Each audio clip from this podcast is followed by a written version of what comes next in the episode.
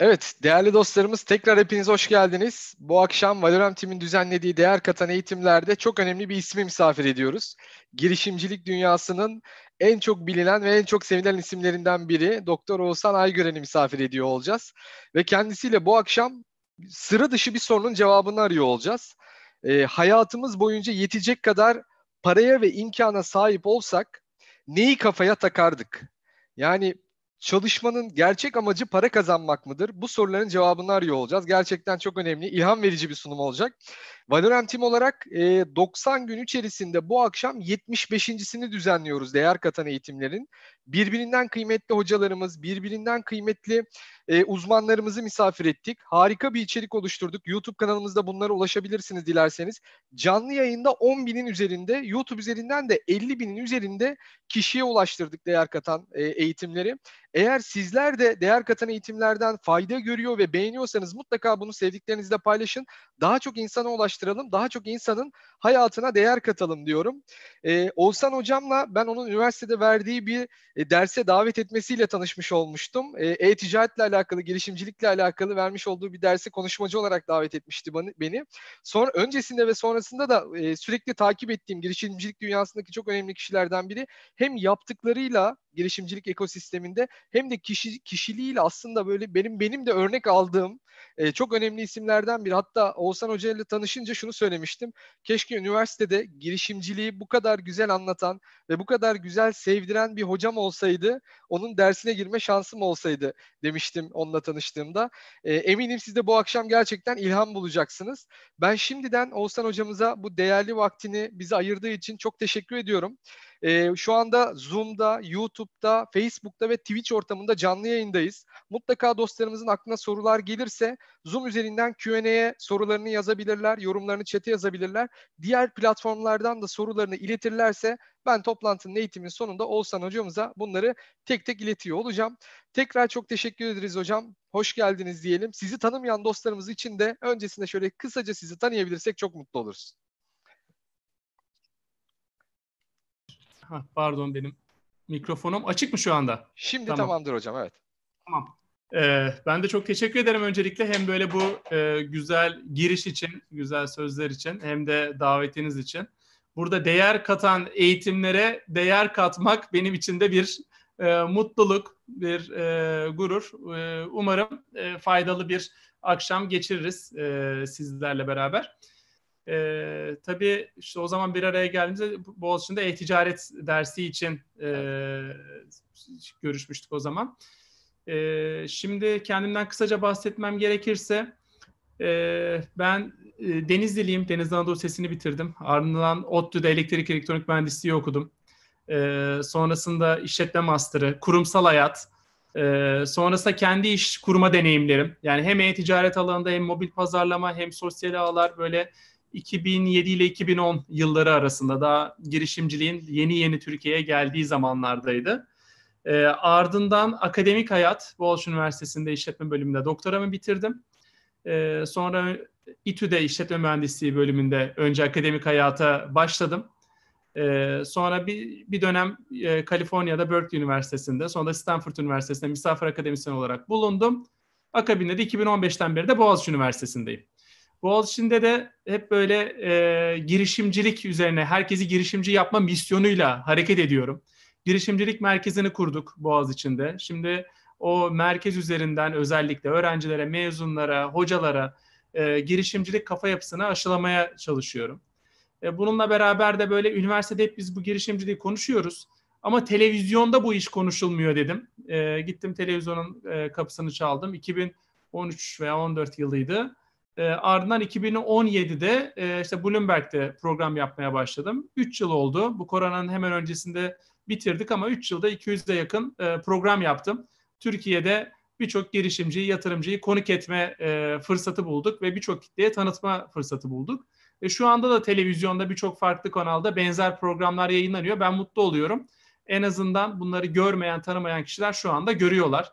Tabii daha çok son zamanlarda da böyle bu Peak Games'te yemek sepetiyle hani gündeme gelip de insanlar için cazip bir e, alan oldu. Onların da etkisi var.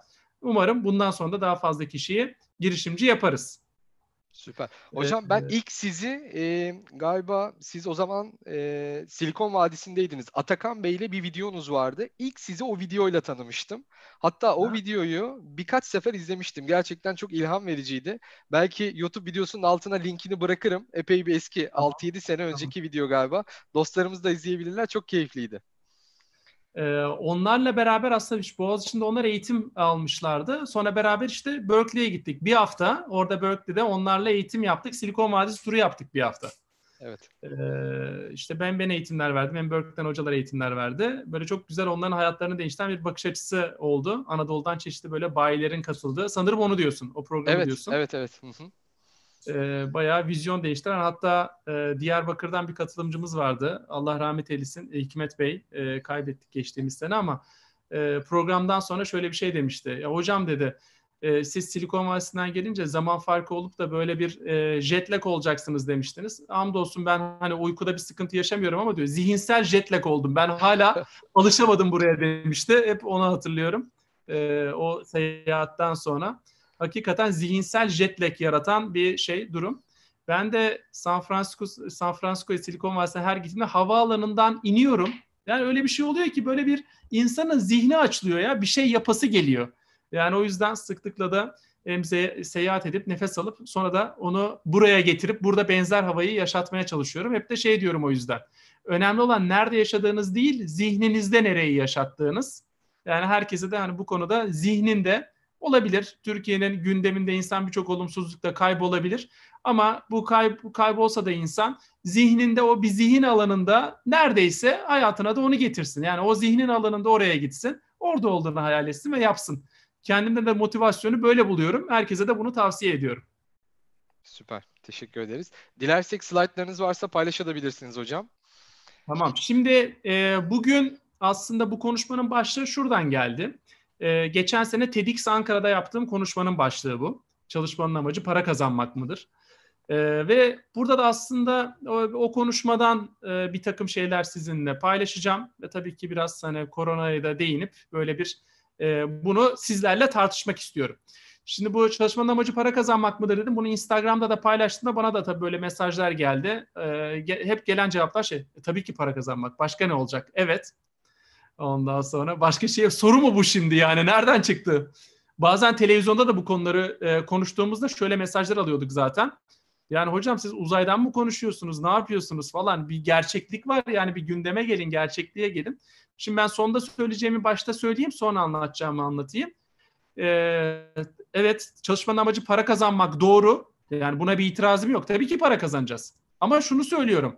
Çalışmanın tek amacı ve öncelikli amacı para kazanmak mı? Aslında hani soruyu böyle daha doğru sorarsak e, aslında sorumuz bu. Yani tek amacı ve öncelikli amacı para kazanmak mı? Yani 10 lira kazanıyorum zaten o zaman amacım bir sonraki sene 11 lira kazanmak. 100 lira kazanıyorum 110 lira kazanmak mı?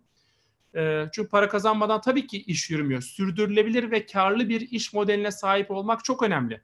Birçok startup sürdürülebilir ve karlı iş modeline sahip olmadığı için e, hayatını sürdüremiyor. Tabii ki önemli ama tek amacı ve öncelikli amacı para kazanmak olmamalı.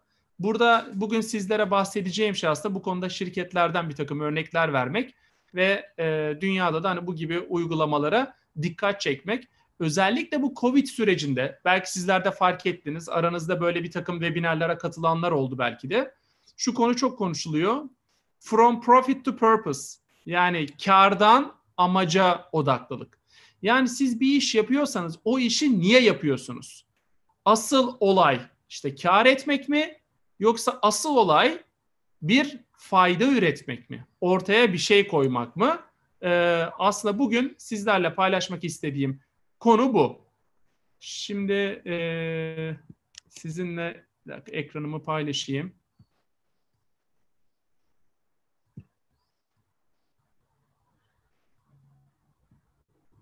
Evet, görebiliyorsunuz galiba şu anda ekranımı. Evet, geldi. Heh, geldi. Evet, bu kendimi tanıtımımla ilgili. Şimdi e, aslında hani bununla ilgili ben böyle seminerlere falan katıldığımda insanlara soruyorum. Girişimcilik size ne ifade ediyor diye sorular soruyorum. Böyle insanların verdikleri cevaplardan bunlar kelime bulutları. İşte ne demiş bir, bir grup? Yaratıcılık, cesaret demiş, risk demiş, yenilik, sermaye, işte özgüven. Ee, yani burada bu slaytta ön plana çıkan risk, cesaret, yaratıcılık, yenilik, sermaye. Bir sonraki slayda bakalım. Tam ortada duran girişimcilik ne ifade ediyor? Para. Yani birçok yerde tabii ki kitleye göre bunlar değişiyor ama bakın risk, cesaret, özgüven bunlar değişmemiş. Öbüründe sermaye vardı, burada para var. Yani para bizim girişimcilik dediğimizde ilk üçte ya da ilk beşte yer alan bir e, kavram aslında bizim için. Yani girişimcilik para ile özdeş. Yani para olmazsa girişimcilik olmaz ve girişimciliğin sonucu zengin olmak, para kazanmaktır gibi böyle bir e, algı var. E, şimdi aslında ben birçok anlattığım seminerde de televizyonda da e, bunları söylüyorum. Hani baş, başlamak için aslında hiçbir şeye sahip olmaya gerek yok. Girişimcilikte e, hemen şu anda bulunduğumuz noktada girişimciliğe başlayabiliriz e, para olmadan. Birçok başarılı örneği de incelediğimde gördüm. Belki binlerce girişimciyle konuştum. Kendi deneyimledim. Başlamak için hiçbir paraya sermaye gerek yok. Ve başarılı olanlara bakıyorum ve başarılı olanların da e, büyük bir kısmı aslında parayı bir sonuç olarak elde ediyor. Bu süreçte e, onların amaçladıkları, yola çıktıkları bir e, hedef genelde olmuyor. Yani bir tarafta bir gerçekleşen girişimcilerin yaşadıkları var. Bir gözlemim var girişimcilere dair. Bir tarafta da girişimci olmak isteyenlerin bir beklentileri var. Ve burada gördüğümüz şey bu beklentilerle gerçek hayatta başarı birbiriyle örtüşmüyor. Benim dikkat çekmek istediğim nokta burası. Çalışmanın amacı para kazanmak mıdır derken dikkat çekmek istediğim yer burası. Siz yani ne kadar onun peşinden kovalarsanız o da sizden o kadar kaçıyor. Şimdi şöyle bir e, görsel sizinle paylaşayım. Şimdi bakın bu görselde en sağ tarafta burada İngilizce görsel traditional business diyor en sağ tarafta. Yani geleneksel iş modeli. Nedir geleneksel iş modeli? İşte e, ana işlev finansal değer elde etmek. Yani finansal gelir elde etmek. Bakın en sağda diyor ki pure profit orientation. Tamamen kar odaklı bir bakış açısı. Geleneksel işletmenin bakış açısı bu. Şimdi en sola gelelim. Şu kırmızı olan. O da geleneksel vakıf. Vakıf dernek, sosyal işler. O da diyor ki ana amaç sosyal değer yaratmak, sosyal değer ortaya koymak ve tamamen e, vakıf işleri, bağışlar bu şekilde ilerleyen bir şey. Şimdi bizim 20. yüzyıl bu ikisi arasında geçti. Yani ya siz uçtaydınız ya maviydiniz işte mordunuz ya da bu kırmızıydınız. Ya ya geleneksel işletme diyordunuz yani diyorsunuz. Yani şu anda da hala devam ediyor tabii ki. Diyorsunuz ki para kazanmak için her yol mübahtır diyen bir zihniyet var. Kapitalizmin ve 20. yüzyılın e, söylemi. Para kazanmak için her yol mübahtır. Diğer tarafta da para kazanmak e, kötü bir şeydir diyen bir yani paraya böyle bir şeytani bir şey gözüyle bakan bir yapı var. Yani tamamen aktivist e, mantıkla para kazanmak ayıp, günah, kötü bir şey gören, parayı bağış yoluyla toplayan bir bakış açısı. Öbür tarafta da para kazanmak için her yol mübahtır diyen bir bakış açısı. Şimdi 20. yüzyıl sonlarına doğru ne oldu? Bakın biraz kaymalar oldu.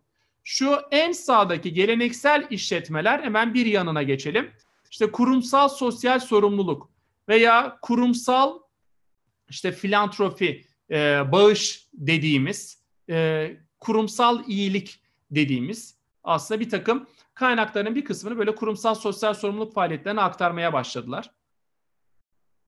Öbür taraftan da işte bu geleneksel vakıflar, dernekler de kendilerine gelir yaratıcı aktiviteler yapmaya başladılar. Mesela vakıf dernekler için bu işte kermesler yapmak veya işte e, kar, işte kar edecek belki iktisadi işletmeler kurmak şeklinde olabilir. Ama işletmeler için de işte bu kurumsal sosyal sorumluluk projeleri yaptıkları işten bağımsız, alakasız başka konularda elde ettikleri karın bir kısmını sosyal amaçlara aktarmak yönünde oluyor. Ama burada da bir takım problemleri biz gördük 20. yüzyılda çoğunlukla. Çoğunlukla işletmeler bu konuda samimi olmamakla suçlandı. Yani buradaki bir e, kurumsal sosyal sorumluluk işlerinin bir e, günah çıkarma olarak gö- görüldüğü bir döneme girdik aslında. Ya bu şirketler para kazanmak için her yol mübahtır diyor, yapıyor. Sonradan günah çıkarmak için bu işleri yapıyorlar. Veya vakıflar işte para kötüdür diyorlar ama bir yandan da e, bunu kazanmak için efor gösteriyorlar. Şimdi tam böyle bu dinamikler olurken son 20 yılda yaklaşık işte hayatımıza giren yeni yapılar oldu. Bu yapılarda işte etki yatırımcılığı adı altında sosyal işletmeler, sosyal girişimcilik dediğimiz yeni bir alan açtılar burada. Bunların arasında işte e, kar odaklı olan ama önceliği kar olmayan, önceliği hayata dair gerçekleştirmek istediği bir amacı olan e, işletmeler doğdu.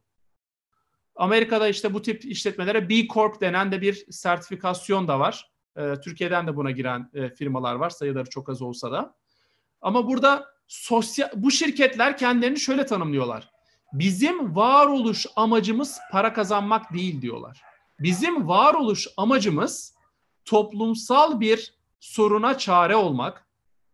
Ee, biz bunun için buradayız diyorlar ve mesela hemen herkesin bildiği ilk gelen örneği size söyleyeyim. Mesela Toms ayakkabılar. Toms ayakkabıların kurucusu ilk önce bunu bir vakıf dernek olarak kurguluyor.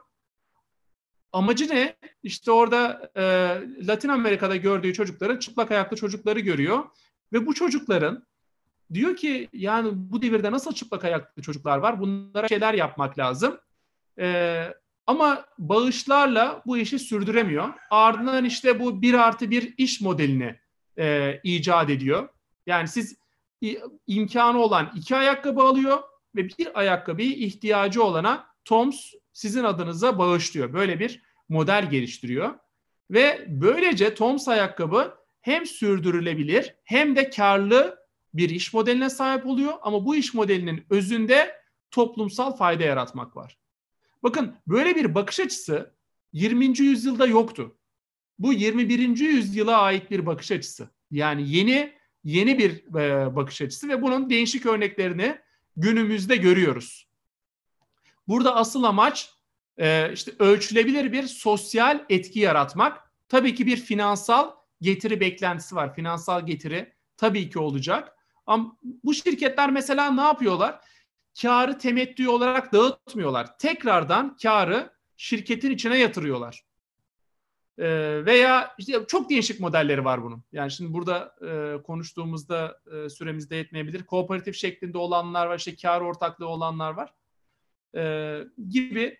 Burada birçok aslında e, farklı modellerin bileşeniyle yeni şeyler de ortaya çıkıyor.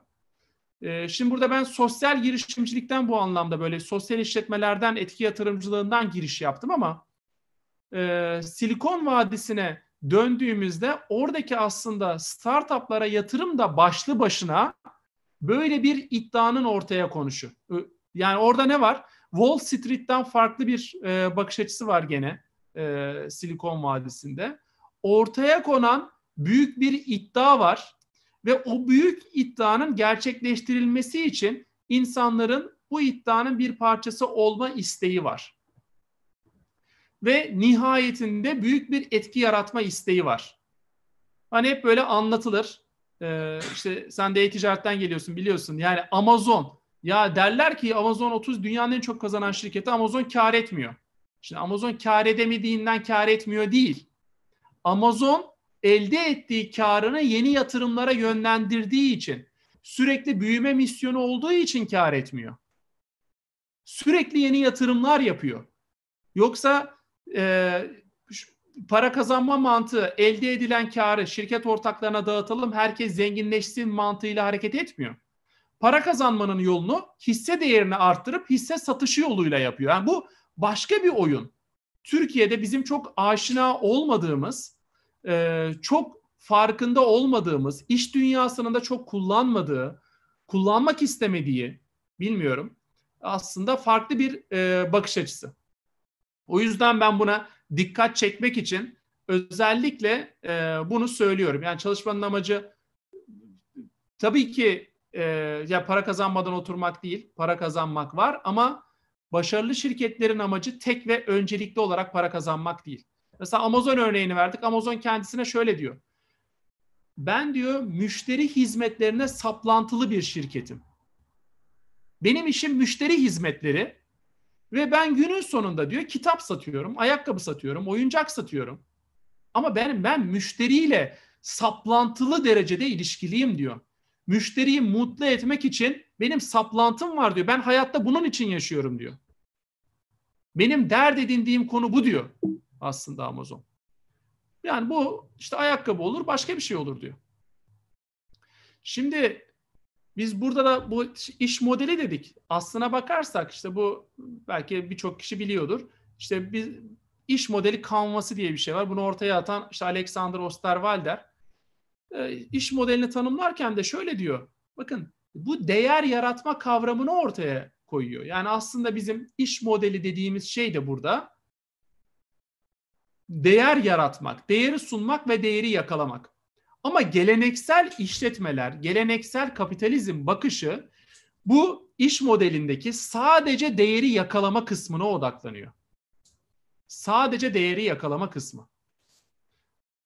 Değer yaratma kısmı gidiyor. Yani birçok olgun şirket de şu anda bunu yapıyor.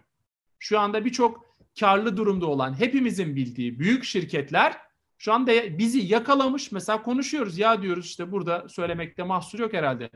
Yani Dijitürk'e Süper Online'a üye oluyoruz. Hadi üyeliği iptal edelim bakalım.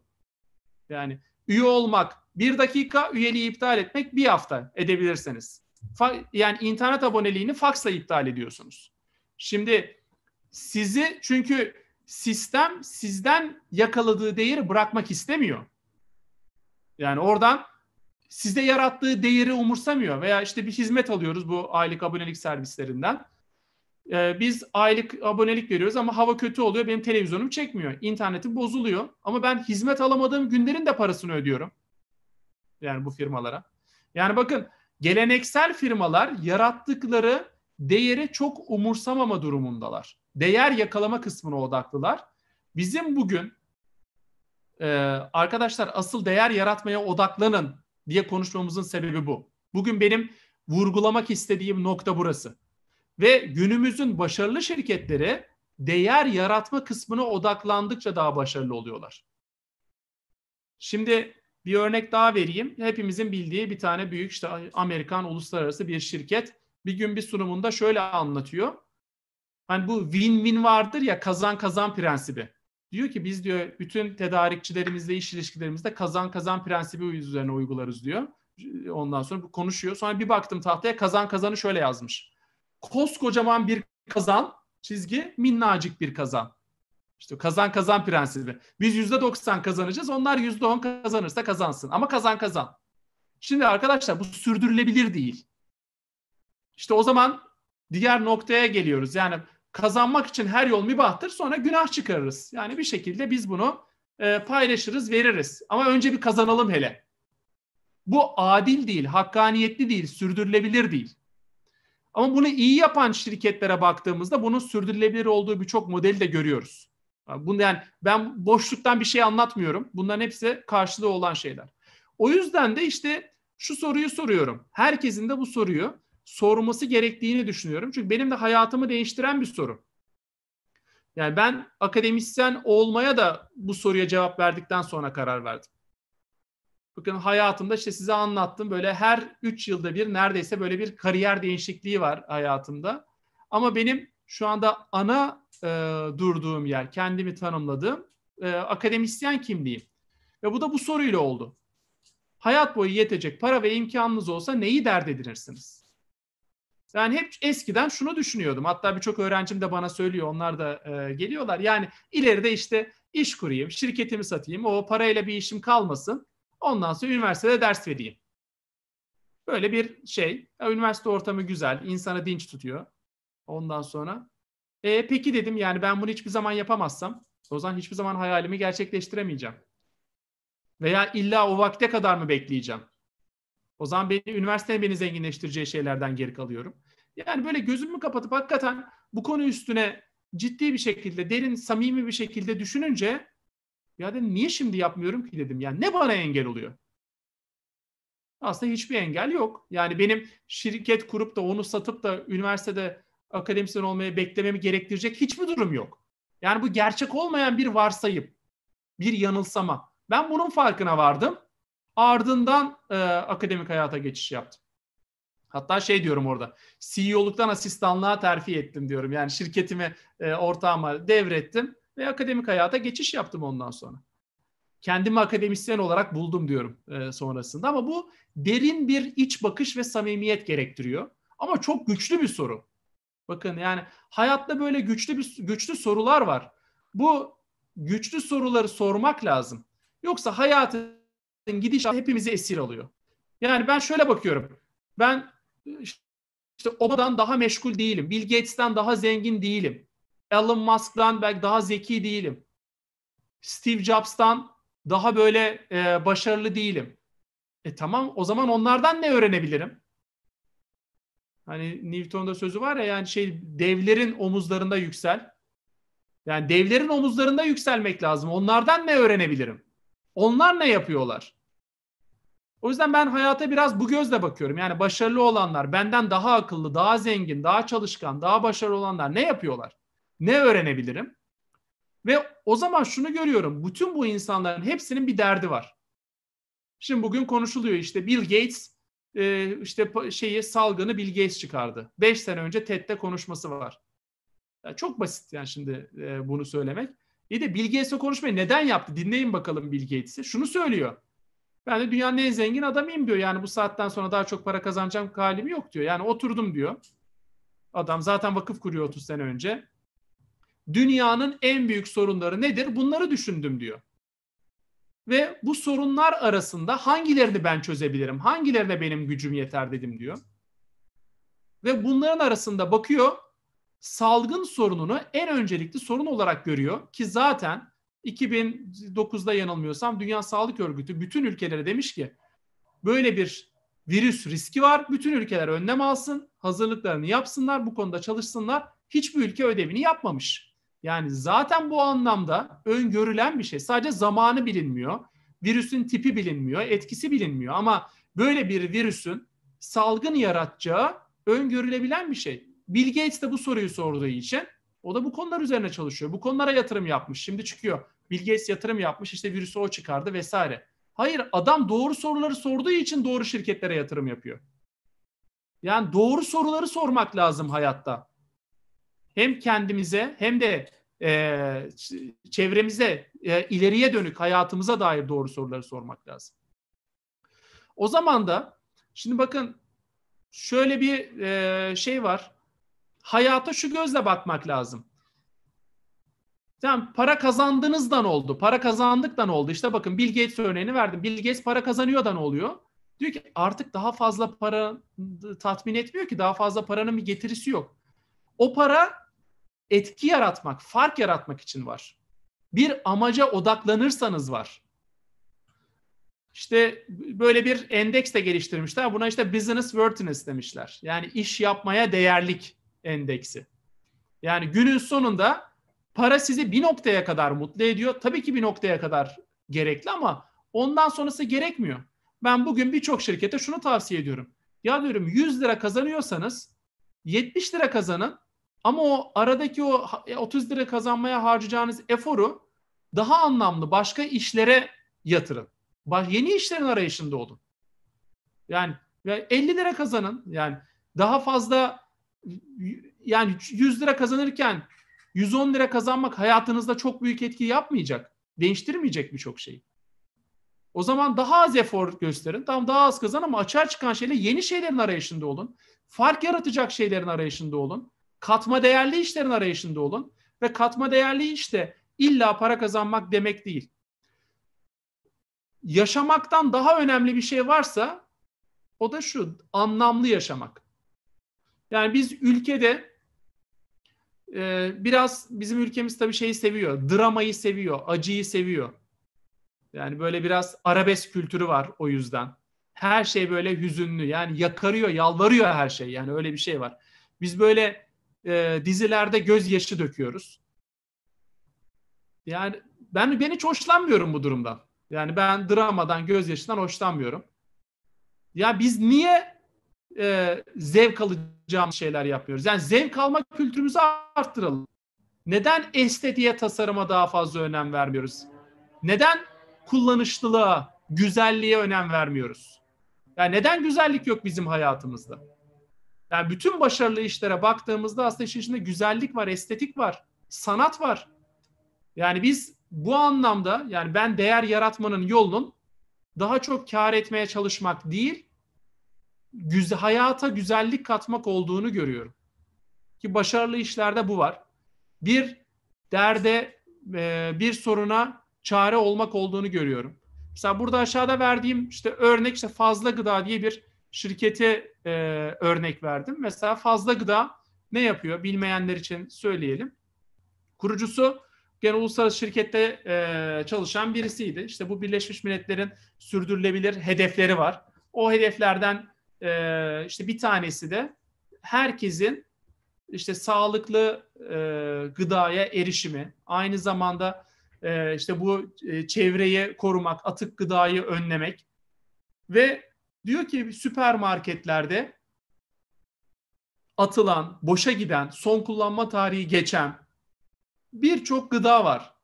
E iyi de biz bu gıdalara erişemeyen de birçok insan var. Biz öyle bir platform kursak ki bu gıdalar atık haline gelmeden önce ihtiyaç sahiplerine bunlara eriştirebilsek. Mesela diyelim ki bir ürünün son kullanma tarihi ertesi gün geçecek ama yani o gün artık onu satmanın imkanı yok. Ama bir gün daha kullanılabilir o ürün. E o gün biz onu dağıtalım ihtiyaç sahipleri kullansın bu ürünü. Veya bir ürün atık olacak ama atık olmasının da maliyeti var. Biz atık olmanın maliyetini giderip onu kullanışlı başka bir belki gübreye çevirelim. Gibi böyle birçok işte satılamayan gıdaları değerlendirmeye yardım eden bir platform neden olmasın? Ve bunu teknoloji yoluyla yapalım. Şimdi normalde başkaları da belki düşünüyordu ama bu fikri hayata geçiren olmadı. Neden fazla gıda başarılı oldu? Çünkü fazla gıdanın da bir vizyonu vardı. O vizyonu yaparken de teknolojiyi kullandı. Zaten hani bu yeni nesil işlerde teknolojiyi, estetiği e, kullanmadan başarılı olmak da mümkün değil. Yani sadece bir görüşe sahip olmak mümkün değil. Ya sadece bir vizyonla yola çıkmak mümkün değil. Ama vizyon size bir yön veriyor. Yani benim size anlattıklarım bu anlamda bir yön gösterici. Çünkü şunu düşünün. Siz çok iyi araçlarla yola çıkabilirsiniz. Çok hızlı gidebilirsiniz. Ama yanlış yöne gidiyorsanız altınızdaki aracın iyi olmasının veya e, amaçlarınızın doğru olmasının bir önemi yok. Çünkü yanlış yöne gidiyorsunuz. Yönü doğru belirlemek çok önemli. Bence diğerinden daha yön daha önemli. Çünkü karınca misali. Yani yapamazsak da uğrunda ölürüz. Yani karınca misali e, yolda olmak, doğru yolu bulmak bence oldukça önemli. Yani hiçbir şey olmasın. En kötü inandığım şeyi yaptım deriz. İnanmadığımız yerde perişan olmaktansa ya inandığımız işte perişan oluruz. En kötü. Bir de bunu doğru araçlarla, doğru şekilde yaptığımızda o zaman tam değmeyin keyfine. Şimdi bu anlattığım örnek böyle bir örnek. Veya işte Steve Jobs'a örnek verdim. Bakın gene bu konuyla ilgili ne diyor? Kâra odaklanırsanız üründen feragat edersiniz. Oysa gerçekten güzel ürünler üretmek isterseniz kar da peşinden gelecektir diyor. Yani Apple gerçekten çok cesur bir şirket bu anlamda. Bakın birçok anlamda takipçi değil, takip edilen. Hem de nasıl takip? Yani şöyle takip edilen bir yandan da birçok şey de Apple icat etmiyor. İcat edileni öyle güzel bir halde sunuyor ki, öyle güzel bir hale getiriyor ki sanki ilk Apple icat etmiş gibi oluyor çoğu şeyi. Ama bu nasıl yapıyor? Birçok işte eleştiriyor. Ya bu zaten Android'de vardı. Bu zaten Samsung'da yıllardır var. Bunu zaten HP kaç yıldır yapıyordu. Ama iyi ama Apple onlardan onu oluyor olduğu gibi kullanmıyor ki. Veya olduğu gibi anlatmıyor. İşte o öyle bir estetik güzellik katıyor ki. Apple çünkü varoluş amacını şöyle tanımlıyor. Diyor ki Apple bir bilgisayar şirketi olarak tanımlamıyor Apple'ı. Apple'ı en baştan beri aktivist, reformist, düzene karşı bir şirket olarak tanımlıyor. Statikoya meydan okuyan bir şirket olarak tanımlıyor. Şu anda reklamcılık tarihinde gelmiş geçmiş en başarılı reklam Apple'ın 1984 reklamıdır. İzlemeyenler varsa izlesin. O reklamda Apple gider IBM'in e, hükümranlığına, egemenliğine böyle bir e, balta fırlatır. Öyle çomak falan değil. Böyle renkli bir kız koşarak gelir işte e, George Orwell'in 1984'ü gibi olmayacak 1984 deyip IBM'e kafa tutar ve der ki Apple statükaya meydan okur. Bunu işte az önce dediğim gibi devlerin omuzlarında yükselip işte 98 kampanyasında gene yapmıştı. Be different diyerek farklı ol kampanyasında. Einstein'ı da kullandı, Newton'u da kullandı e, reklam yüzü olarak birçok kişiyi. Farklı olun dedi. Dünyayı değiştirenler dünyayı değiştireceğine inanacak kadar deli olanlardır dedi. Yani kimse size inanmayacak ama sizin buna inanmanız ve bunu ve buna inanacak kadar da aslında buna güveniyor olmanız lazım dedi. Doğru bir vizyona, amaca hizmet ediyor olmanız lazım dedi. Ve nihayetinde Apple birçok kereler hayatımızı değiştirdi, dünyayı değiştirdi. Ve dedi ki ben bu statikoya meydan okumayı güzel ürünler geliştirerek yapacağım. Benim misyonum güzel ürünler geliştirerek statikoya okumak. Statikoya meydan okumak. Bu bilgisayar olur, MP3 player olur, e, iPod olur, saat olur, gözlük olur, araba olur. Yani bugün Apple bir ev çıkarsa biz şaşırmayız. Ha Apple'dan aldım deriz yani evi. Yani Apple'dan her şeyi bekleriz çünkü Apple bizim gözümüzde bir e, tasarım şirketi. Düzene meydan okuyan işte o hani o hacker mantığında e, böyle bir sıradan olmayan bizim gözümüzde böyle bir e, şeyi var, e, imajı var. Ve şirket de bunun için elinden geleni yapıyor. Ve bunu öyle güzel bir şekilde yapıyor ki gayet de güzel para kazanıyor. Dünyanın en fazla nakit zengini şirketlerinden bir tanesi işte. Ee, Google'la beraber, Amazon'la beraber. Bunu müthiş bir şekilde yapıyor. Yani başlı başına çalışılması, öğrenilmesi gereken bir şirket. Diyebilirsiniz Samsung Apple'dan daha başarılı, daha çok pazar payı var telefonda. Samsung bu anlamda Hani böyle bir insanların iç geçirdiği, yani soralım kaç kişi Samsung'da çalışmak istiyor, kaç kişi Apple'da çalışmak istiyor, kaç kişi Samsung'unu e, Samsung'unu Apple'ını sevdiği gibi seviyor. Yani insanların iç geçirdiği bir e, şirket değil. Başka bir şey var. Biz Apple'ı başka bir yere konumlandırıyoruz orada. Zihnimizde. Yani dedim ya en başarılara baktığımızda başka bir şey var orada. O zaman biz niye bu vizyona sahip olmuyoruz? Biz niye bu yönü ortaya koymuyoruz? Bir başka örnek. Şimdi bakın 2015 yılında Fast Company dergisinde bir işte kapak bu. Dünyanın en inovatif 50 şirketinin olduğu bir dergi kapağı. Ve bu sene dünyanın en inovatif şirketi hangisi oluyor biliyor musunuz? Hayır Google değil, Apple'da değil, Amazon'da değil, Facebook'ta değil. Bakın yazıyor orada. Why Warby Parker is no one. Warby Parker isimli bir şirket.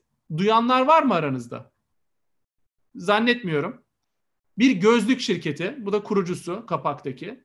Ya nasıl oluyor da bir gözlük şirketi, bu arada dört ortaklar, dördünün de gözlüğü var. Nasıl oluyor bir gözlük şirketi Apple, Google, Amazon hepsini geçiyor da dünyanın en inovatif şirketi oluyor. Hadi bakalım. Nasıl oluyor? Hiçbirimiz de duymadık adını. Hiç kimse duymadı. Ama dünyanın en inovatif şirketi olmuş bu şirket. Arkadaşlar bunun Tabii bir hikayesi var. Ben bununla Medium'da da bir yazı yazdım bu arada. Hani Medium'daki yazımdan da okuyabilirsiniz e, bu konuda. Ama kısaca özetlemek gerekirse kendilerine iyi şirket diyorlar. İşte iyi şirket vizyonu. Bu kavr yani dedik ya iyilik, güzellik, estetik, işte bu sosyal amaç, fayda. Bu iyi şirket vizyonunun içinde ne var? Bir tanesi sosyal misyon. Aynen Toms ayakkabılarda olduğu gibi Warby Parker da diyor ki ya bu gözlük bu kadar pahalı olmak zorunda mı? Gözlüğü işte kendileri normalde 500 dolara satılacak olan bir gözlüğü kendileri belki 15-20 dolara mal edip 95 dolara satıyorlar. Diyorlar ki siz bir gözlük aldığınızda bir gözlükte ihtiyacı olanlara e, biz e, bağışlayacağız diyorlar. Ama diyorlar gözlük bir moda ürünü. İnsanlar sadece ucuz olduğu için bunu takmazlar. O zaman bizim estetik bir görselliğe dönem vermemiz lazım diyorlar. İşte fiyatların erişilebilir olması lazım. İşte aynen Amazon'da anlattığım gibi bir müşteriye saplantılılık derecesinde bir duyarlılık var. Eğlence ve şeffaflık üzerine kurulu bir şirket e, kültürü var. Ve bu anlamda aslında bir iyi şirket vizyonu ortaya koyuyorlar.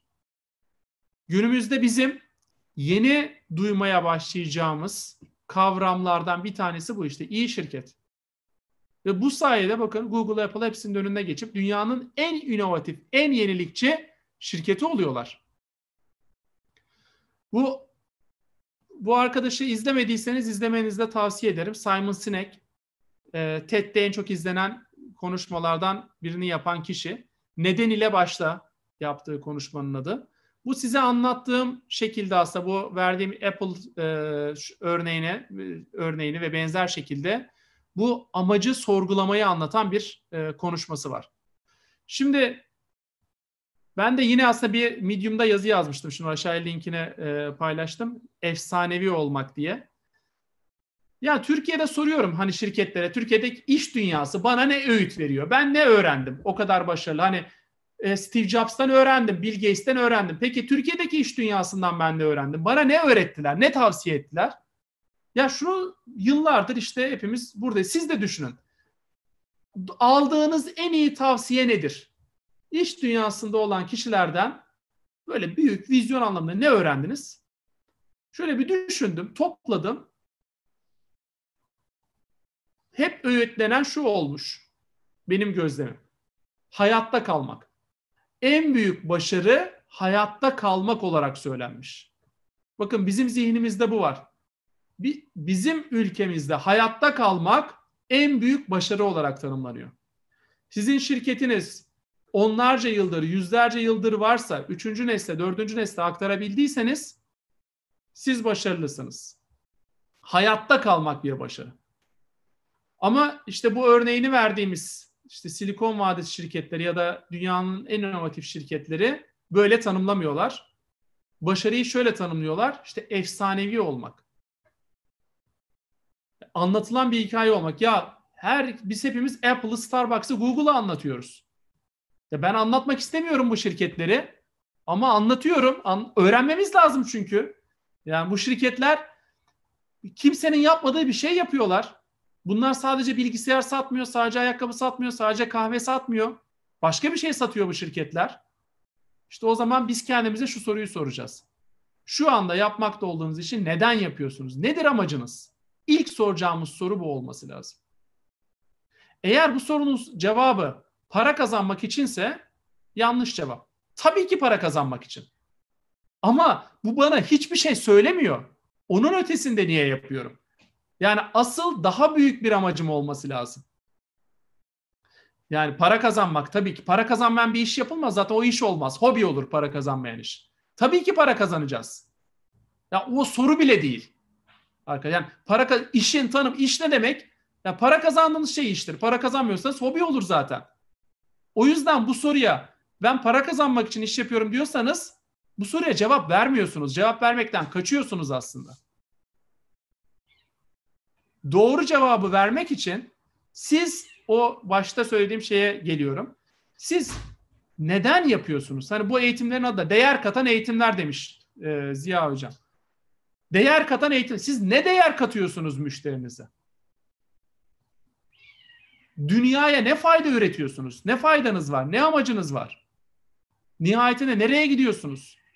İşte asıl sorulması gereken ilk soru bu. Buna samimi bir cevap verdikten sonra bu sefer şunu diyeceğiz. Tamam nasıl yapıyoruz bu işi? O zaman işte iş modelinin bileşenlerine geliyoruz. Ha, şu teknolojiyi kullanıyoruz. Bu çalışanlara sahip. Bu patentimiz var. İşte bu dağıtım kanalını kullanıyoruz. Fiyatlamamız bu. Peki ne yapıyoruz? Abi sen ne satıyorsun dediğinde de kitap satıyorum, ayakkabı satıyorum, bilgisayar satıyorum, yazılım satıyorum. Ama biz işte olaya tersten bakıyoruz. Yani ne yapıyorsun? Abi ben kitap satıyorum. İyi, tamam, çok güzel, aferin. Bu bana bir değer katmadı senin söylediğin. Peki şöyle deseydi, kitap satan bir kişi bana şu cevabı versin. Ben insanların dünyada daha e, dünyada daha medeni, keyifli yaşamalarına katkıda bulunan bir işim var. Hadi ya ne iş yapıyorsun abi sen? Ben insanların bakış açılarını genişletiyorum. Allah Allah nasıl yapıyorsun? Ben insanların bilmediklerini onlara gösterecek kitaplar sunuyorum. Şimdi hikaye değişti. Ya kitap satıyorumdan çıktı. Şimdi o benim gözüme kitap satan bir kişi değil. O benim gözüme vizyon sahibi, insanları zenginleştiren, insanlara değer katan bir kişi. Yani burada sizin sadece başkalarına değil, kendinize de hikayeyi nasıl anlattığınız çok önemli. Evet, şimdi zaman da geçiyor. Benim şey e, burada slaytlar bitmez. Ben şey yapayım, e, toparlayayım arkadaşlar. Bir şöyle bir e, sadece bağlayacağım. O TED konuşmama referans vermiştim. Bir TED konuşmamda da paylaştığım sizlerle bir e, üç öğüt diyeyim. O üç öğüt, üç nasihatı paylaşıp bitireyim. Sonra da sorularınızı alalım. Şimdi peki işte bu yeni nesil girişimcilikten ne öğrenebiliriz? Birincisi arkadaşlar bu dünyada bilmeye değil öğrenmeye odaklanmak lazım. Yani neyi kastediyorum? Bilmek geçmişe dair bir şey. Yani şu ana kadarki hayat tecrübemiz bildiklerimiz. Şimdi vardır ya işte ben bu işin kitabını yazdım. Ben bu işin e, işte doktoruyum. Ben bu işin kompedanıyım. 30 yılımı ben bu işe verdim. İyi tamam yani 30 yıl öncesine dairdi.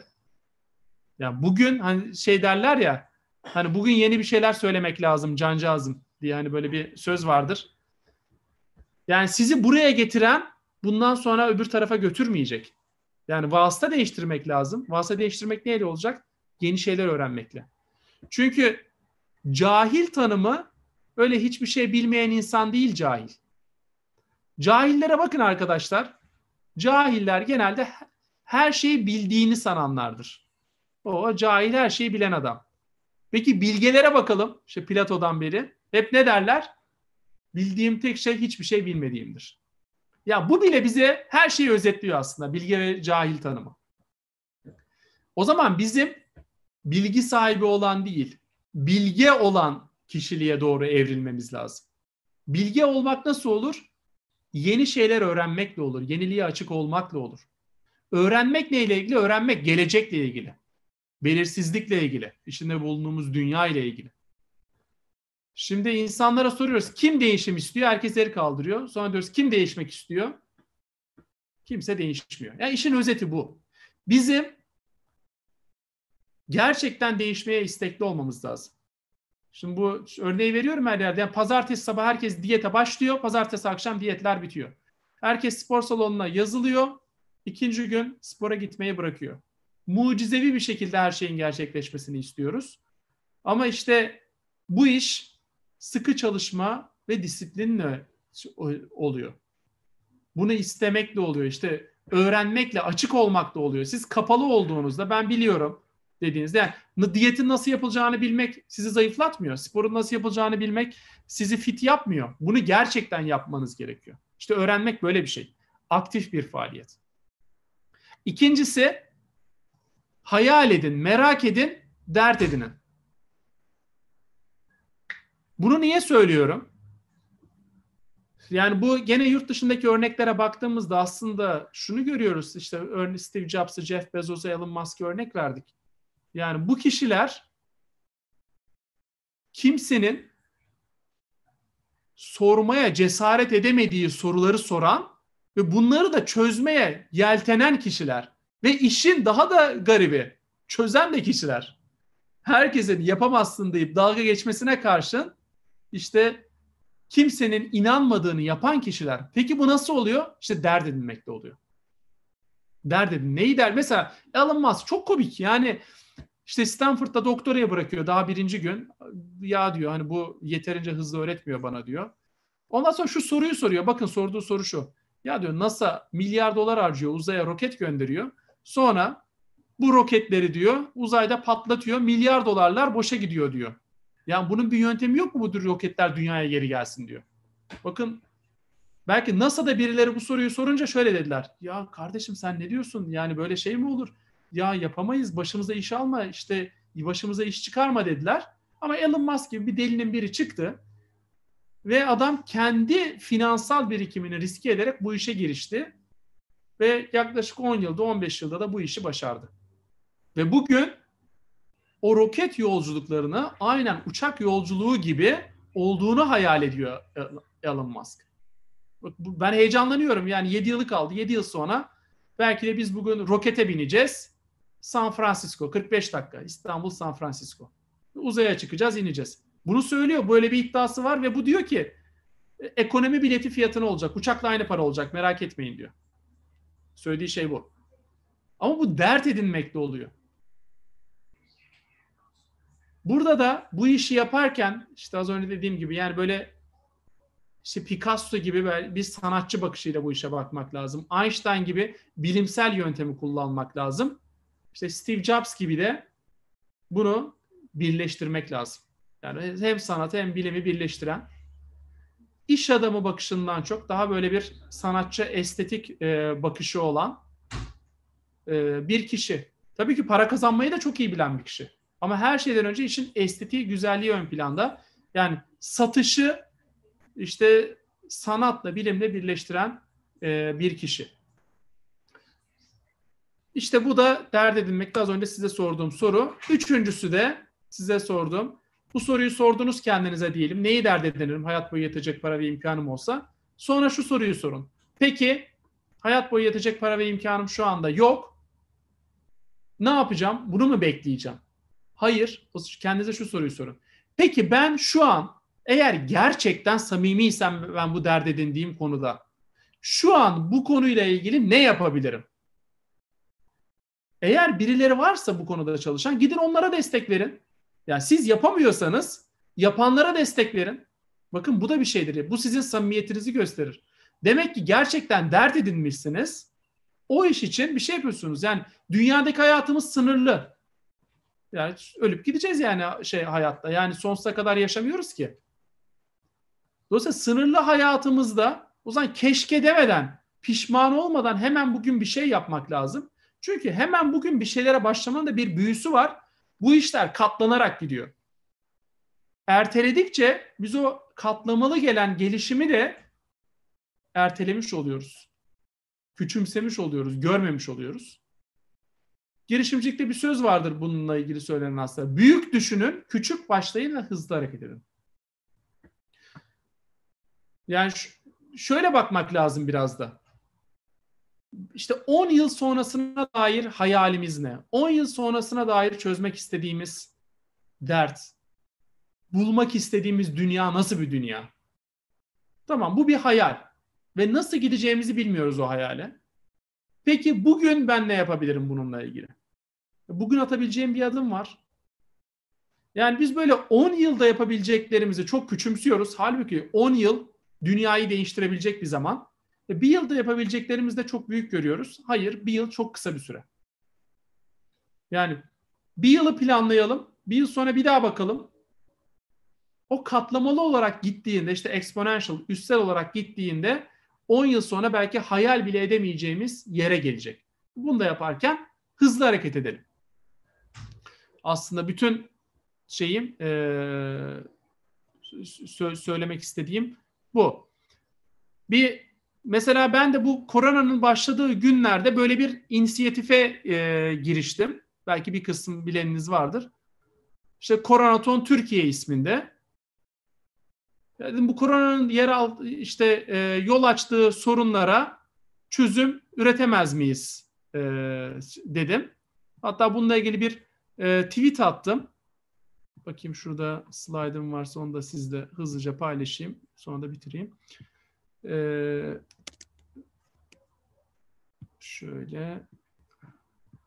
Heh. İşte dedim ki bakın bunu 17 Mart'ta böyle bir tweet atmışım. İşte Estonya'daki şu örneği görüp ne dersiniz hızlıca böyle bir şey organize edebilir miyiz? Bakın ne yapacağımızı nasıl bir şey çıkacağını bilmiyordum ama o gün bayağı bir cevap geldi ve biz 24 saat içinde işte Koronaton Türkiye diye bir oluşum kurduk yani ortaya çıktı. 50'den fazla paydaş katıldı. İnternet sitesine girip bakabilirsiniz. Dedik sağlık sorunlarına bizim gücümüz yetmez ama geri kalan sosyal, psikolojik, ekonomik sorunlara bizim de bilmediğimiz yenilikçi çözümler neler üretebiliriz? Ve herkese dedik çözümün bir parçası ol dedik Koronaton Türkiye diyerek. İşte böyle 21-22 Mart'ta davet etti. 48 saat süren bir etkinlik oldu. Nasıl yapacağımızı bilmiyorduk. İşte bakın uzun geceler boyu süren Zoom toplantıları. Toplantılara bir noktada artık öyle kişiler katıldık işte e, Sanayi Teknoloji Bakan Yardımcısı katıldı. Bir baktık TÜBİTAK Başkanı girdi Zoom toplantımıza. Ertesi gün TÜBİTAK destek açıkladı. Biz burada hiç başlangıçta bir para sözü desteği olmadan bu işe giriştik. Ama 24 saatte 1500 başvuru aldık. 120'den fazla online mentor dahil oldu. 1000 saatten fazla mentorluk verildi bu platformda 48 saatte. 150 proje geldi. 50'den fazla paydaş. Hafta sonu 12 projeye 130 bin TL nakit para ödülü verdik. Ardından da TÜBİTAK 30 projeye 600 bin TL destek verdi. Yani sadece ilk 12 projeye değil bu arada. Yani ilk 60'ın içinden seçilen 30 proje 600 bin TL. Diğer burada saymadığım başka desteklerle beraber biz 1 milyon TL'nin üzerinde bir desteği buraya katılanlara sağlamış olduk. Bakın baştan bu işi planlamadık. Hiçbirimiz de cebimizden bir para da koymadık. Biz sadece bir iyilik yaratmak, bir fayda yaratmak için, bir değer yaratmak için yola çıktık ve günün sonunda 1 milyon liradan fazla destek sağladık burada. O sağladığımız desteklerle de bu projeler daha da fazla etki yaratıyorlar. Bu e, koronanın çözümüne yönelik bizim bile şu anda bilmediğimiz, farkında olmadığımız birçok çözüm ortaya çıktı. Dolayısıyla başlamak için, fayda yaratmak için, değer üretmek için kimseden izin almamıza gerek yok. Kimseden bir şey beklememize, para bulmamıza, sermaye bulmamıza gerek yok. Hemen bugün şu anda zaten harekete geçebiliriz. Hayata geçirebiliriz bir şeyleri. Ve ondan sonra da zaten bütün başarılı işlere baktığımızda ondan sonra paranın bir şekilde takip ettiğini görüyoruz. Ama başlangıçta bu iş şöyle para kazanır, böyle para kazanır diye. Yani bütün başarılı işlere bakalım. Hiçbirinin gelir modeli başlangıçta yoktu. Başlangıçta bir soruna odaklanmak, bir hayalin e, çözümü için bir şeyler yapmak önemli. Tabii ki hayatta kalmak da önemli. Yani burada belki bahsettiğimiz kişiler tuzlu kuru kişiler olabilir. O zaman yapılacak olan şey ne? Başlangıç aşamasında. Eğer tuzunuz kuru değilse yapılacak olan şey bir şekilde hayatınızı finanse edecek kadar veya faturaları ödeyecek kadar bir geliri temin etmenin bir yolunu bulmak. Yani çok büyük lüks yaşamak değil. Yani gelirle giderinizi dengeleyeceğiniz. E, bunun birçok yöntemi var. Bu ayrı bir konuşma konusu. Bunun yolunu bulmak, ondan sonra da inandığınız konuda çalışmak, hayatı buna adamak. Belki çok uzman olduğunuz bir konu hemen hızlı hayata geçecek. Ya da Elon Musk'ın konusu hiç uzman olmadığı bir konu hayata geçirmesi 15 sene sürüyor.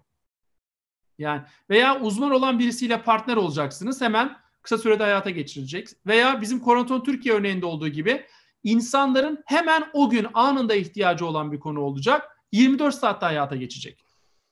Yani bu tamamen aslında yani bunun bir formülü yok. Ee, tamamen size bağlı nasıl bir yapı kurduğunuza, neyi hayal ettiğinize, hangi sorunu çözdüğünüze, kiminle çözdüğünüze, kimleri dahil ettiğinize göre e, değişen bir konu. Umarım faydalı olmuştur. Yani ben burada e, sunumu tamamlayayım. Sorular varsa biraz onlara da cevap verebiliriz. Oğuzhan Hocam harikaydı. Çok teşekkürler. Ben sizi birçok sefer dinledim. Canlı da dinledim. Yalnız kurumsal hayatta çalışırken, dinlerken e, gerçekten motive olmuştum. Fakat şimdi girişimciliğe soyununca, sizi dinleyince kalbim güp güp güp atmaya başladı. Gerçekten muhtemelen sizin anlattıklarınız girişimciliğe yeni soyunmuş kişilerin üzerinde inanılmaz etki yaratıyor diye tahmin ediyorum. Çünkü ben onu şu anda bizzat hissettim hocam. Ee, şimdi sorulara geçmeden izninizle bir iki dakika hem sizi soluklandırmış olayım hem de ben kısaca Valorem Team'den bahsetmek istiyorum. Toplantının öncesinde sizin de yoğun bir Zoom toplantınız vardı. Ben size de aktaramadım. Size de bahsetmeyi çok isterim. Ee, nedir bu Valorem Team? Ya, yepyeni bir girişime başladık. Ee, çok değerli bir ortamla Ahmet Cezmi Göbüt hocamızla. Ee, bizim de şöyle bir hayalle yola çıktık Oğuzhan hocam. dedik ki biz bu gelişen teknolojiler sayesinde insanların daha rahat ve daha özgür yaşayabilecekleri yani refah seviyelerini yükseltebilecekleri bir hayatın mümkün olduğuna inandık. Ve bu hayal için yola çıktık. E, Valorem Latince'de değer anlamına geliyor. E, biz Valorem Team olarak aslında bir değer takımı oluşturuyoruz. Kendimize, çevremize ve ülkemize değer katmaya odaklanmış bir takım inşa ediyoruz. Bunu da tabii ki bir iş platformu üzerinde inşa ediyoruz. Yaptığımız şey teknoloji, inovasyon ve girişimcilik odaklı yeni nesil bir danışmanlık platformu olarak nitelendiriyoruz. Bu danışmanlığı da aslında şu anda günümüzde yaşadığımız ve en çok bizim hayatımızı ve işimizi etkileyen bu dijital dönüşüm, teknolojik dönüşümün ortaya çıkardığı e, özellikle yazılım ürünleriyle, inovatif çözümlerle yapıyoruz. Kime yapıyoruz? İş dünyasındaki COBİ'lere, işletmelere ve firmalara Türkiye'deki Türk mühendislerin geliştirdiği SaaS modelli yazılım çözümlerini ulaştıran bir köprü vazifesi kuruyoruz. Peki bu nereden hayata e, geçirme fikri geldi diyecek olursanız benim çevremde o kadar çok girişimci arkadaşım, dostum var ki artık bunların hepsi de SaaS modelli çözümler üretmeye odaklanmış vaziyetteler. Fakat çok da büyük bu problemleri var. Ya yeterli sermayeleri yok, ya yeterli birikimleri, know-how'ları yok. Bir türlü ürünlerini ticarileştirip son kullanıcıya yeterli sayıda ulaştıramıyorlar satamıyorlar, pazarlayamıyorlar aslında. Ve ben son 4-5 yıl içerisinde birçok arkadaşıma bu konuda destek oldum ama benim gücüm bir yere kadar. Bunu ne kadar yardımcı olabilirim? Dedik ki bunu yapabilecek iş dünyası içerisinde hali hazırda çalışan ya da emekli olmuş ya da var olan işinin yanında bunu çok rahatlıkla yapabilecek çok kaliteli iş insanlarıyla bir platform oluşturalım bu COBİ'lerin, işletmelerin hayatını kolaylaştıran, bazen maliyetlerini düşüren, bazen karlarını artıran, bazen onları risklerden koruyan bu SaaS modelli, abonelik modelli çözümleri işletmelere birlikte ulaştıralım dedik. Arada bir köprü vazifesi kurmaya başladık ve bu tam şeyin öncesinde başladı. E, Mart'ın başında 10 Mart gibi başladık diyebiliriz. Pat diye sonra evlere kapandık.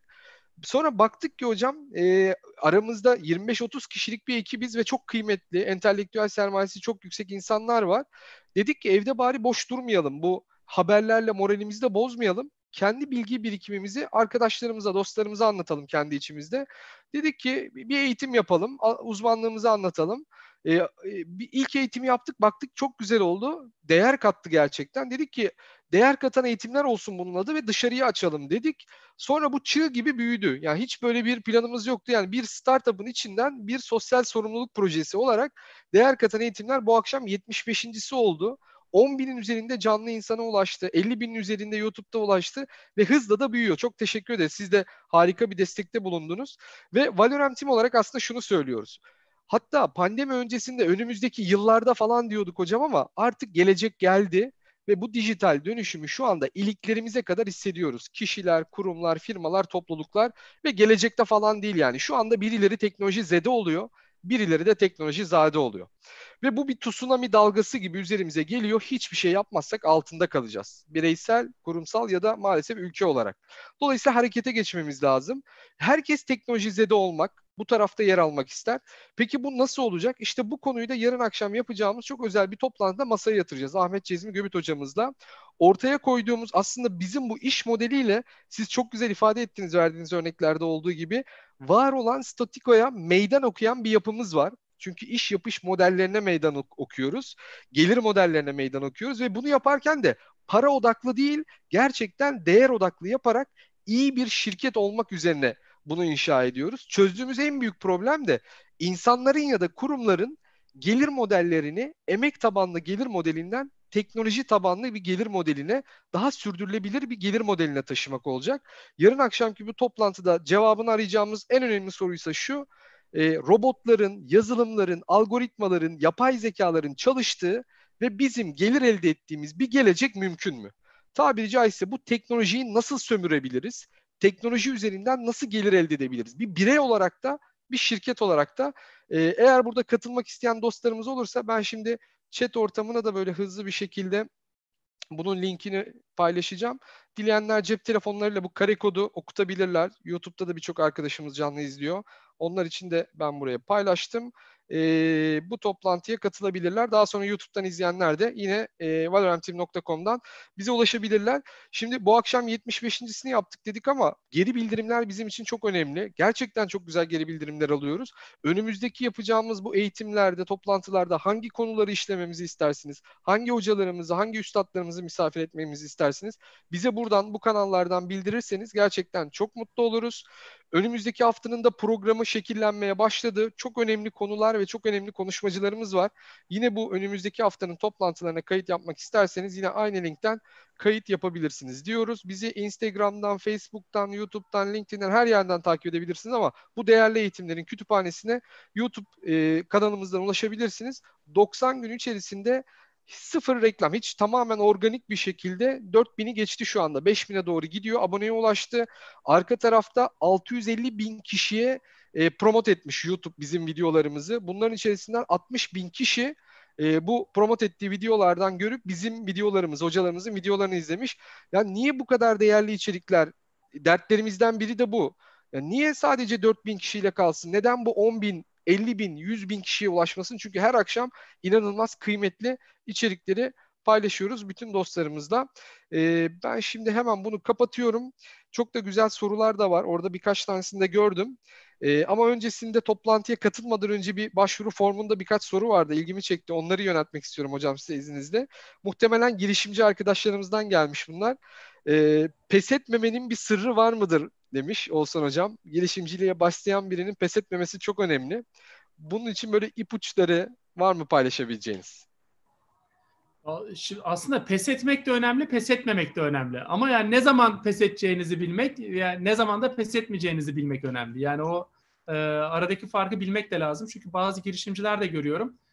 E, olmayacak bir işi de e, oldurmaya çalışmak. Yani ben pes etmeyeceğim. Hani böyle gaza alıyor. Ondan sonra ben pes etmeyeceğim, yapacağım deyip olmayacak bir işi de oldurmaya çalışıyor. Tabii ki işte o olacak işte olmayacak işin ayrımını yapıp ne zaman duracağını bilmek, ne zaman dönüştüreceğini bilmek e, önemli.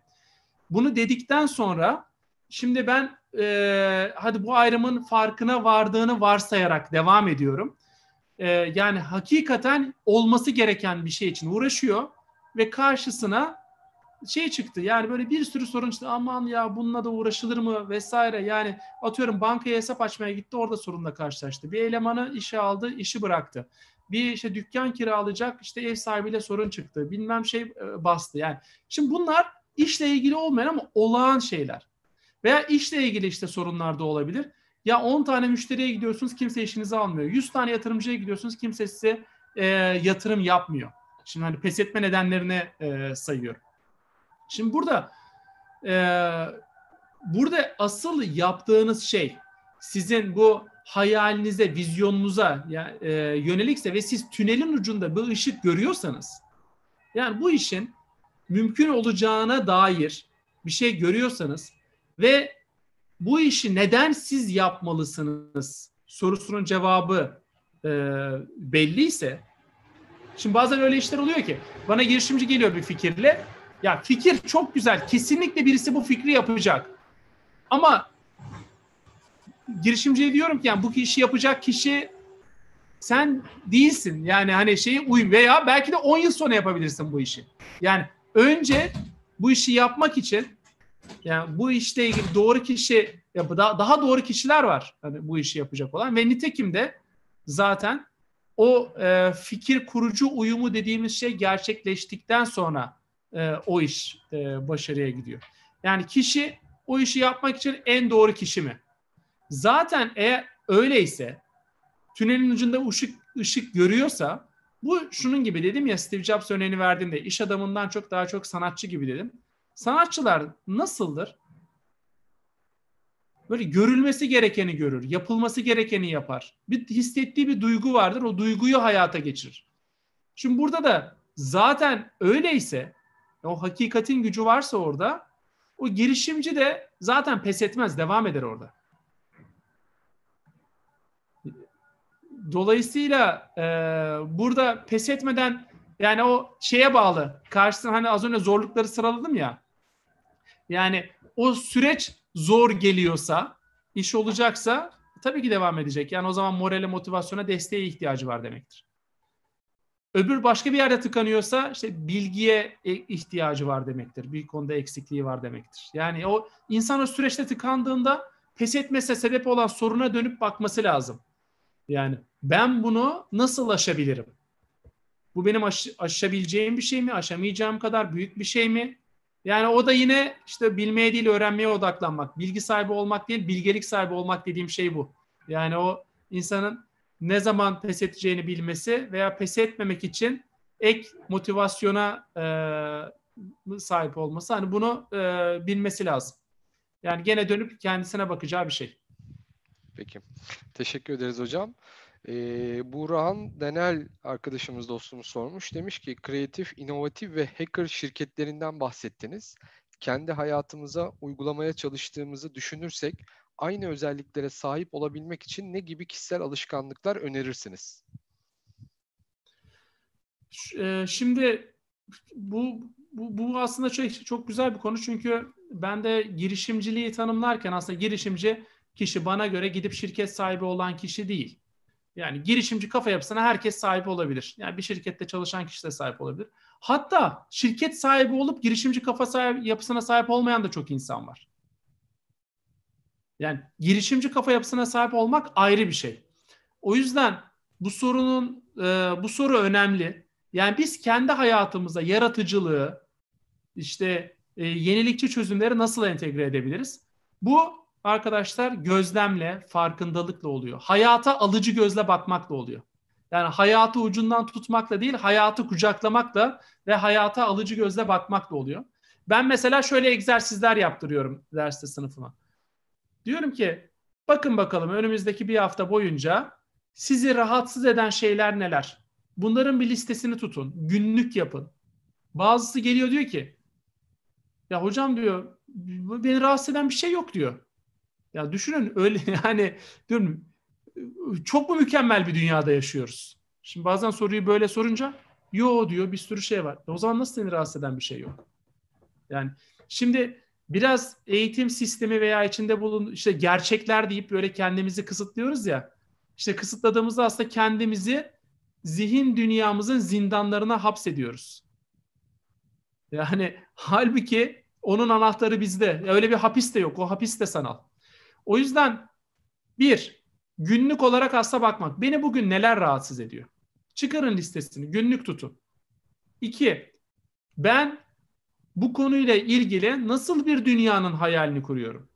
Üç, bugün bununla ilgili ne yapabilirim? Reddedileceğimi bilsem bile, hayır cevabı alacağımı bilsem bile bununla ilgili ne yapabilirim? Bu da reddedilme egzersizi. Bakın yaratıcı ve yeni bir şey ortaya koyun. İşte bu sorunu çözmekle ilgili bir adım atacaksınız. Diyelim gidip komşunuzdan bir şey isteyeceksiniz en basitinden. Ya şimdi komşuya gitmeye çekiniyorsunuz. Ya şimdi adam terslerse bir şey olursa canımı sıkarsa tam canınızın sıkılmasını göze alacaksınız. İşte az önceki soruyla da alakalı bu. Yani pes etmemeyi öğrenmek hayır cevabını benimsemekle oluyor. Ve ardından işte sen de satışçısın biliyorsun. Hayırı evete çevirmek de oluyor. Yani hayır cevabından daha kötü olan bir şey hiç sormamak. Çünkü hiç sormayınca zaten cevap hayır. Yani bu hayatınıza bu egzersizleri e, eklemek önemli. Bir şey isteyebilmek, bir şey e, bunun karşısına verebilmek, bunu benimseyebilmek. Bu egzersizlerle daha işte bu hacker mantığında düşünmek. Hatta bir söz var. E, izin isteme, özür dile.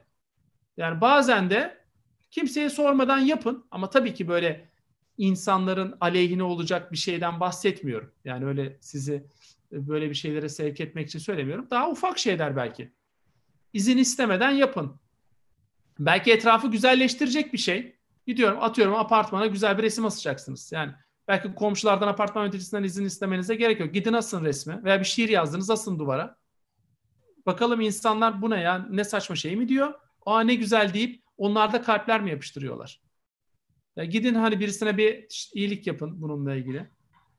Veya bazen de yani, yani böyle bir bunun sınırı yok. Hani izin isteme özür dile mantığı da hani bu anlamda hayatta o yeni şeyleri denemek için bir şey. Ya yani ufak ufak denemeler yapın. Girişimciliğin özünde bu var. Ufak ufak yalnız. Yani maliyeti büyük olan, kaybettiğinizde riski büyük olan denemeler değil. Ufak ufak denemeler. Zaten hayırlara böyle alışıyorsunuz. Sonra hayırları evete çevirdikçe de e, bu iddiaları ufak ufak denemeleri e, büyütebilirsiniz. Evet, teşekkür ederiz hocam. Musa Bey bir soru sormuş. Girişimcilik yolculuğuna çıkarken önceliklerimiz neler olmalı? Fikrimizi stratejiyle donatmaz isek varacağımız nokta neresidir diyor. Şimdi sizin anlattıklarınızdan şey geldi benim aklıma.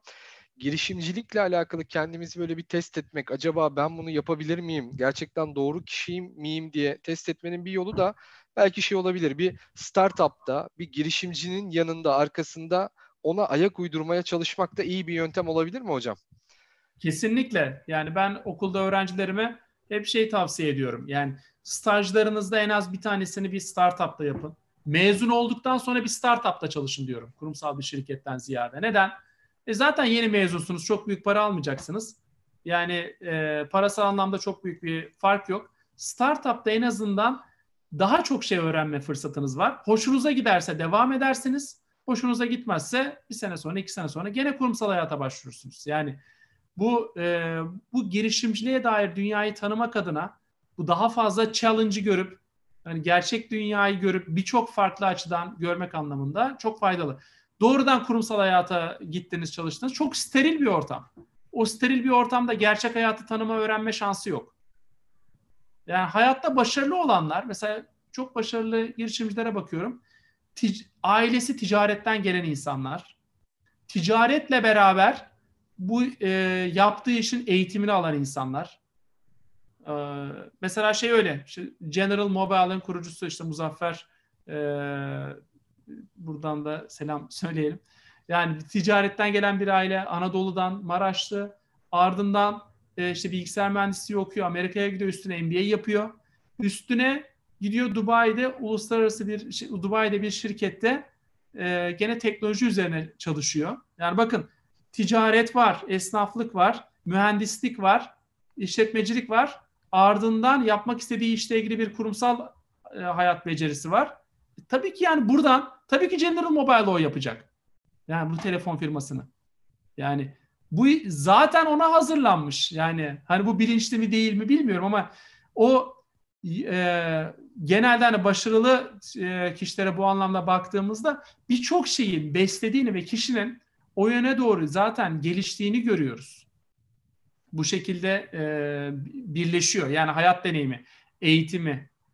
Dolayısıyla e, insanın kendisine yeni deneyimler katması, kendisini bu anlamda zenginleştirmesi çok önemli. Evet. Teşekkür ederiz. Tabii bir de e, ülkemizin içinde bulunduğu durum ve ülkedeki bu ekosistem girişimciliği diğer e, ülkelere göre birazcık daha zorlu kılıyor galiba değil mi hocam? Yani ben birçok bir arkadaşımı biliyorum yani Türkiye'de başarılı olamıyor fakat yurt dışına gidiyor. E, farklı ülkelere gidiyor. Orada hızlı bir şekilde ulaşabiliyor arzuladığı noktaya. Sanki burası biraz daha zor bir e, şeyi var. Ben ben çok genellemeleri doğru bulmuyorum. Yani bence burada çok bunlar kişiye özel durumlar. Yani ben Silikon Vadisi'nde de çok ya biz başarılı olanları biliyoruz. Başarılı olanların 100 katı başarılı olmayan var. Orada sürünen çok girişimci biliyorum. Bakın sürünen diyorum. Orada sürünüp Türkiye'ye gelip burada başarılı olan da çok var. Yani e, tam tersi örnek de çok var. Yani bunları e, genellemek doğru değil. Bunları böyle vaka vaka değerlendirmek lazım. Bence her vakanın kendine özgü bir e, durumu var burada. E, girişimcilik her yerde zor. Sadece Türkiye'de zor değil. Yani bu kadar anlatıyoruz. Girişimcilik kolay bir şey değil. Zor. Zor olduğu için diyorum ki girişimciliğe şirket kurarak başlamayın. Girişimciliğe kafa yapısı olarak başlayın. Her nerede ne yapıyorsanız kafa yapısı olarak başlayın. Kafa yapısı olarak nasıl başlayacaksınız? İşte egzersizleri söyledim az önce. Kendinize bir dert edinin, o dertle uğraşmaya başlayın.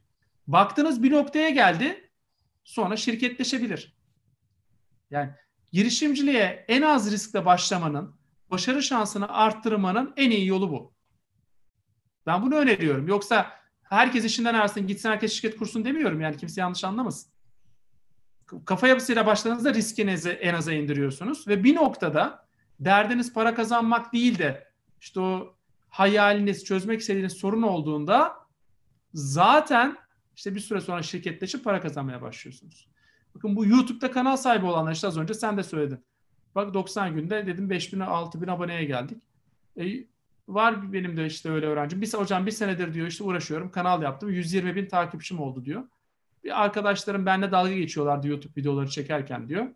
Şimdi site yapmış işte oradan online eğitim satıyorum. İşte ayda 7-8 e, bin lira para kazanıyorum şu anda diyor.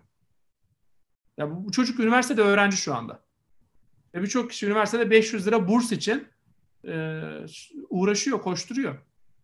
Yani bakın bu mümkün. Ama başlangıçta ben ayda 7 bin lira kazanacağım deyip başlasaydı bu işi yapamazdı.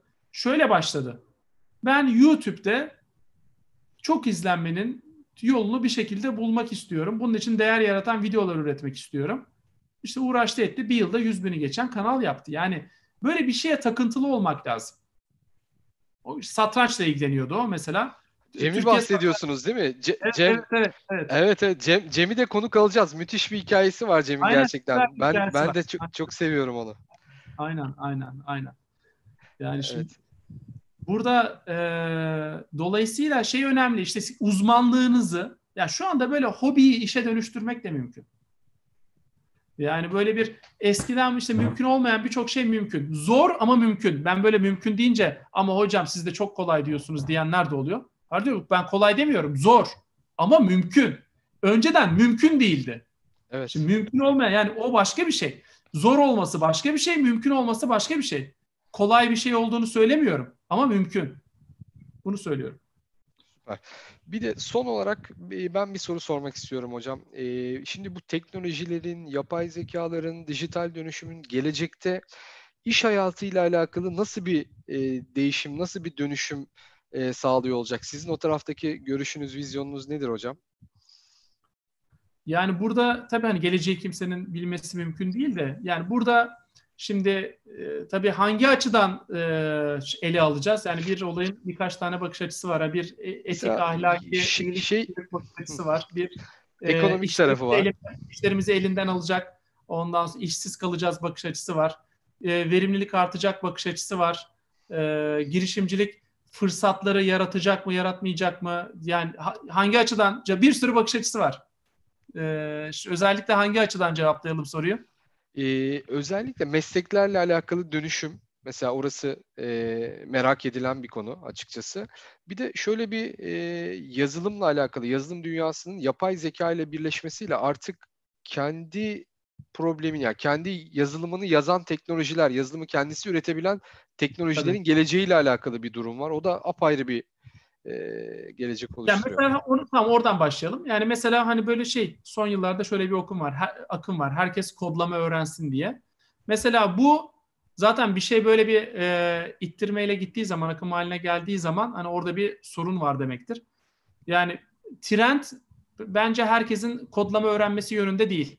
Hatta tam da senin de söylediğin gibi trend yani kodlama bilmeme yönünde. Yani kod bilmeden yazılım yapma trendi var şu anda. Evet. Ya aslında orada kodlama öğrenden kasıt herkesin kodlama öğrenmesi değil. Yani bu bilgisayar okur yazarlığı yani bilgisayar okur yazarlığı Word Excel kullanmanın ötesine geçti şu anda. Hani bu algoritmaların nasıl çalıştığına dair bir fikir sahibi olmak.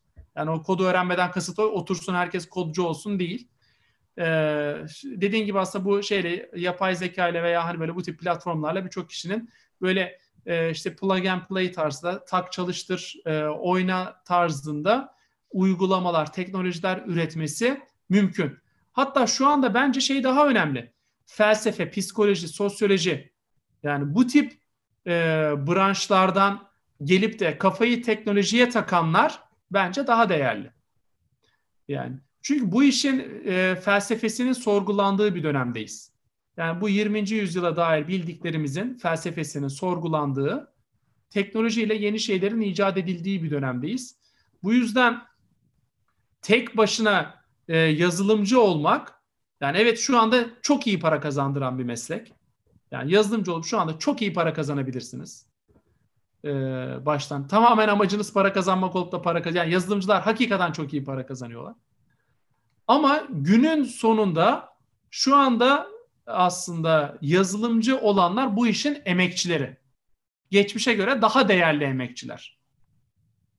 Şu anda onların ürettikleriyle biz on biz çok daha değerli şeyler ortaya koyabiliriz. Yani yazılım bilmeden de daha değerli bir şeyler ortaya koymak mümkün. Dediğim gibi bu işin felsefesiyle, işte, e, sosyolojiyle, psikolojiyle, insan davranışıyla e, bu teknolojileri kullanmak, yeni şeyler ortaya koymak mümkün. Hani böyle bir yere e, doğru gidiyoruz. Yani bunun örnekleri var.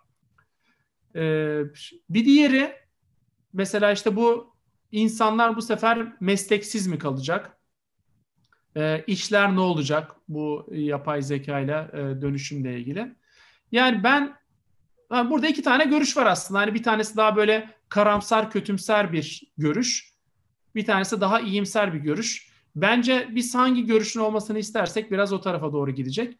Yani ben genel olarak hep iyimser taraftayım. Yani burada çok e, hani karanlık e, tablo çizenler de görüşlerinde haklı.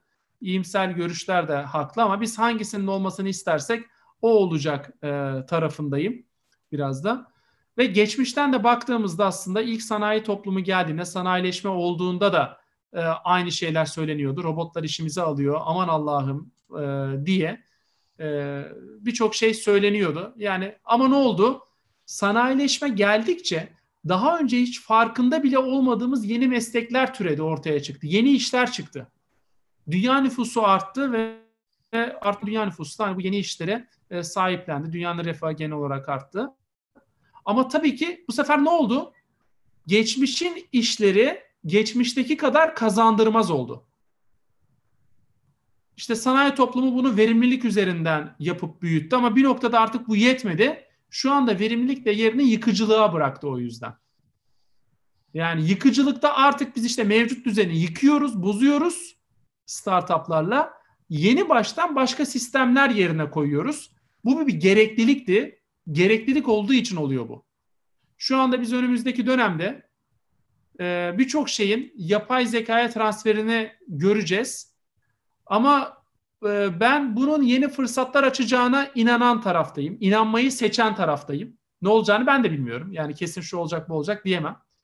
Ama yani hiç aklımıza bile gelmiyor. Yani bugün ya 5 sene önce 10 sene önce e-spor diye bir şey kimsenin aklına gelmiyordu. Yani oğlum kızım ya YouTube'da sabaha kadar oyun oynuyorsun bu ne hal deniyordu. Şimdi aferin oğlum kızım iyi ki oynuyorsun para kazanıyorsun denen bir hal veya ne yapıyorsun orada videoda çekim yapıyorsun denen bir halden insanlar YouTube'dan paralar kazanıyorlar. Yani hiç akla gelmeyecek en anlamsız, en saçma, en garip işlerden insanlar para kazanıyorlar. Ya işte oyun oynuyor, karakterini geçiyor, karakterini eBay'den satıyor ondan sonra para kazanıyor. Yani insanın aklına gelmeyecek şeylerden para kazanıyorlar şu anda. Yani dolayısıyla yeni şeyler ortaya çıktıkça yeni iş modelleri, yeni kazanç alanları da ortaya çıkıyor. Biz bunları bilmediğimiz, görmediğimiz için bunlardan korkuyoruz. Yani mevcut iş sahipleri aslında bunlardan korkuyorlar. Mevcut düzenin bekçileri diyorum ben onlara. İşte bugün Uber ve taksiciler arasında yaşandığını gördüğümüz olay tamamen bu. Yani bugün taksiciler kazanmış gibi görünüyor ama yani bence kazanma ihtimalleri yok. Yani sadece bu işi ötelediler biraz da. Yani yarın Uber'in yani Uber olmaz Uber olur. Başka bir şey olur. Yani gelmeme ihtimali yok artık. Yani bizim uygulamadan taksi çağırmama ihtimalimiz yok. Yani artık e, yani sokaktan çağırdığımız taksiye bineceğiz diye bir şey yok. Yani dolayısıyla e, dönüşüm kaçınılmaz. Yani bu bugünkü zamanın ruhu bu. E, ve bu zamanın ruhunda da öyle ya da böyle bu dönüşüme adapte olmak gerekiyor. Kimileri geriden geliyor, kimileri yenilikçi önde gidiyor. E, girişimci kafa yapısına sahip olan kişilerin aslında bütün bunları fırsat olarak görüp burada yeni ortaya çıkan alanlarda ben ne yapabilirim diye sorması gerekiyor. Yani her tarafta bence bir fırsat var. Hiç olmadığı kadar çok e, fırsat alanı var. Sadece eskisine göre mümkün ama eskisinden daha zor. Yani para kazanmak anlamında söylüyorum. Yani eskiden ve neden annelerimiz babalarımız bizde garanti bir işe gir çalıştırdılar? Çünkü garanti bir işin getirisi de yüksekti önceden. Ya yani şu anda garanti bir işin getirisi de eskisi kadar e, herkese yetecek kadar yüksek değil. İnsanlar geçimini zor sürdürüyorlar. Yani e, buradan evini, arabasını, yazdığını alacak. Emekli ikramiyesi de e, e, ikramiyesiyle de işte böyle bir şeyler yapacak. E, bir şey de zaten insanlar kazanmıyorlar. Dolayısıyla insanların da girişimciliğe yönelmesi bu anlamda bir zorunluluk. Yani bizi düzenin getirdiği nokta bu. Yani bu kimsenin seçimi değil. Kimsenin bir şey olduğunu da zannetmiyorum. Yani öyle bir zorlaması da değil. Mevcut imkanlar şartları buna zorluyor.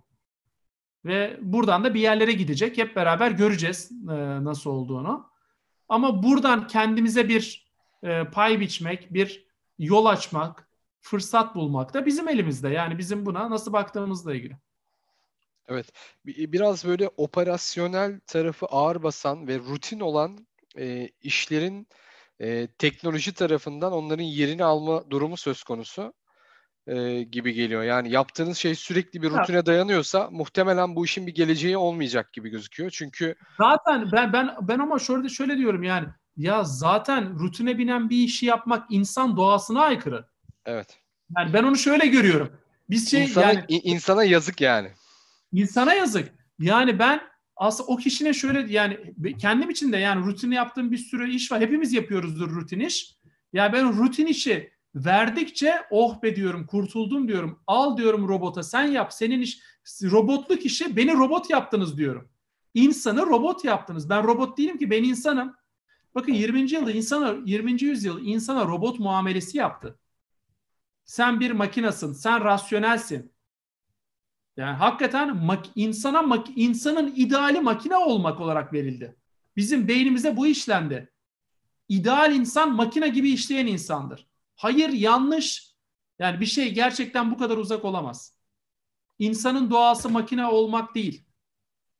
Yani olabilir ama insan doğasına aykırı. Yani insanın doğasında insanın bir psikolojisi var. Yani o psikolojinin içinde e, hepsi var. Mutluluk, hüzün, e, kızgınlık yani böyle bir davranışsal bir sürü şey var. Bunları dikkate almayan e, bir ekonomik sistem olamaz. Ve son 20 yıldır da bunların aslında ekonominin içine girdiğini görüyoruz. Yani davranış ekonomisi dediğimiz şey e, aslında psikolojinin ekonomiye girmiş hali. Bunu görüyoruz. O yüzden otomatikleşmiş işleri bizim zaten bir an önce robotlara vermeye istekli olmamız lazım robotlara verip kurtulmamız lazım. İnsanlara daha insancıl işler yapması lazım. Yani nedir otomatik iş? Evet. Kesinlikle. Dün dün akşam da zannedersem SAP'den Özlem Hanım'la birlikteydik. O da aynı şeyleri söyledi. Yani deneyim ekonomisini konuştuk. Artık gelecekte insanların daha fazla e, kreatif işlerde, e, daha fazla duygularla, daha fazla e, insanların psikolojisiyle alakalı alanlarda daha değerli işler üretebileceğini, o alanların daha hızlı büyüyeceğini, operasyonel işlerin de dediğiniz gibi robotlarla, yazılımlarla, algoritmalarla hızlı çözülebileceğinden bahsetmiştim. Onu da desteklercesine oldu. Şöyle bir bakayım son bir soru var mı hocam? Saatimizde, vaktimizde açtık. Bütün dostlarımızın selamlarını da iletmiş olalım. E, genel itibariyle şöyle bir, birkaç soruyu toparlayıp şunu sormak isterim hocam. Bu blockchain ile alakalı ve Türkiye'deki bu e, platform oluşumları ve e, Türkiye'nin devletin bu taraftaki bu platformlara, blockchain'e olan destekleriyle alakalı birkaç soru gelmişti. Bu konuda e, paylaşabilecekleriniz olabilir mi hocam? Ya şöyle şimdi bütün yenilikçi teknolojileri böyle bir arada e, düşünürsek aslında e, şunu görüyoruz. Yani yani blockchain ile ilgili, bu yapay zeka ile ilgili işte robotik 3D printer yani birçok yerde aslında teknolojik gelişme aynı anda oluyor ve bu kaçınılmaz bir e, gelişme. Nasıl internet hayatımıza girdiyse ve 90'larda bu öngörülemediyse ne yazık ki yani hani belki yani bir şeyler bilgisayar tarafından gelenler daha teknolojiye meraklar gençler öngörebiliyordu ama e, birçok kişi yani bu e-ticarete dahi yani günümüze kadar e, çok daha böyle şey e, çekimser baktı. Yani en nazik ifadeyle. Ama yani burada kaçınılmaz bir e, dönüşüm söz konusu. İşte bu Covid süreci de aslında e, bize bunu gösterdi. E, burada yapılması gereken şu. hem şirketler nezdinde hem devletler nezdinde bu yıkıcı teknolojilerin hayata geçmesiyle ilgili deneme yanılmalar yapmak. Şimdi devlet nezdinde bakarsak ya teknolojik devlet tamamen işte yani e-devlet değildir. Yani e-devlet tek başına sizin dijital bir devlet olduğunuzu göstermez. Yani o sizin dijital dünyada var olduğunuzu gösterir ama süreçlerinizin dijital olduğunu göstermez. Bugün hala yani geçelim blockchain'i. Bugün hala e, bir işlem için Covid döneminde dahi insanlar evdeyken dahi atıyorum işte tapu işlemi, noter işlemi. İnsanlar ıslak imza için buralara gitmek zorunda kaldılar. Veya benim yönetim kurulunda olduğum şirketlerde getirdiler imza atmak zorunda kaldım yani. Bu ya bugün daha bunları konuşuyoruz. Ya daha bakın blockchain demiyorum bile. Yani süreçlerin dijitalleşmesinden bahsediyorum. Yani önce bununla ilgili aslında bir hedefin, hayalin olması lazım. Oradan geri dönüp bizim bunları yapmamız lazım. Bunu yapan ülkeler var bu arada. Mesela e, burada verilecek en güzel örneklerden bir tanesi işte Estonya kendisine dijital millet diyor. E-vatandaşlık veriyor. Yani e-vatandaşlık dediğim şey işte e-devletten bambaşka bir şey. Ve onların bu işle ilgili şöyle bir vizyonu var. Diyor ki şimdi ha dijital göçebe diye de bir kavram var ya e, yani işte dünyanın herhangi bir yerinde yaşayıp herhangi bir yerine iş yapanlar ama yine de onlar bir ülkenin vatandaşı. Mesela Estonya şöyle bir vizyon görüyor. Ya diyor ki ileride diyor 5-10 sene sonra bu ev vatandaşlığı başka ülkeler de vermeye başlayacak. Ve bu açık pazar olacak. Mesela biz Türk vatandaşıyız diye bütün hizmetleri Türkiye Devleti'nden almak zorunda olmayacağız. Belki de sağlık hizmetini işte Almanya'dan alacağız. E, e, şeyi e, maliyede şirketi Estonya'da kuracağız. E, işte atıyorum eğitimi e, İngiltere'den alacağız. Atıyorum yani neyse. Yani ülke vatandaşlığı tanımı da belki değişecek diyor. Mesela Estonya'nın böyle bir vizyonu var. Buna yönelik altyapısını kuruyor. Burada da bunu yaparken tabii ki blockchain temelli çok teknoloji kullanıyor. Onlar alt planda bunu e, destekleyen teknolojiler oluyor. Yani böyle bir vizyonunuz varsa zaten siz bütün teknolojilere potansiyel destekleyici gözüyle bakıyorsunuz. Hepsine bir alıcı gözle bakıp bununla ilgili denemeler, yanılmalar yaptığınız bir e, kanal fırsat olarak görüyorsunuz bunları. Veya işte İsrail kendisine startup nation diyor. Diyor ki işte biz diyor startup milletiyiz diyor. Ve hakikaten bu konuda yaptıkları yatırım miktarı Amerika'dan daha yüksek. O zaman soruyu şöyle sormak lazım. Yani bakın biz ne zaman bu teknolojileri kullanırız, ne zaman adam oluruz değil. Soruyu şöyle sormak lazım. Türkiye dünyaya ne vaat ediyor? Türkiye'nin dünyadaki yeri nedir? Türkiye kendisini dünyada nasıl tanımlıyor? İşte Estonya Digital Nation demiş. İsrail Startup Nation demiş. Türkiye ne diyor kendisine?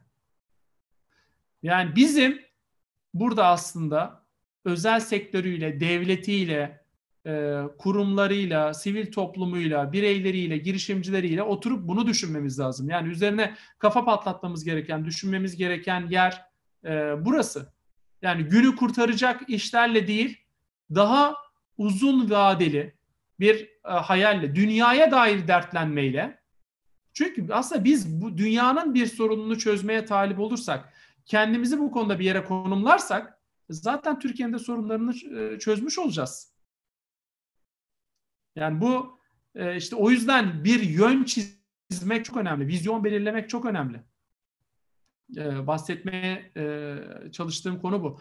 Öbür türlü sizin eğer nereye gideceğinizi bilmezseniz hani bir söz var ya o zaman hiçbir rüzgar size yön gösteremez. Yani nereye gideceğini bilmiyorsun. Her rüzgarda bir o tarafa bir bu tarafa savruluyorsun. Ya bu teknolojileri kullanmak, buradan politika üretmek bir yön belirlemekle mümkün. Önce bir yönümüz belli olsun. Şu anda ülkede kimin yönü belli? Yani işte örnek hikaye belli olanlarında işte Peak Games dedi ki ben uluslararası bir oyuncu olacağım. İşte Türkiye'nin ilk unicornu çıktı konuşuyoruz. İşte yemek sepeti yani birkaç tane girişimcilik örneğimiz var. Ama bizim büyük köklü şirketlerimize bakalım. Ya onlarda ben bu heyecanı, bu motivasyonu görmüyorum. Türkiye'de büyük şirketler işte konuşulan şirketlere bakalım. Herkesin bildiği büyük şirketlere. Yani dünya markası izlemekle dünya markası olunmuyor.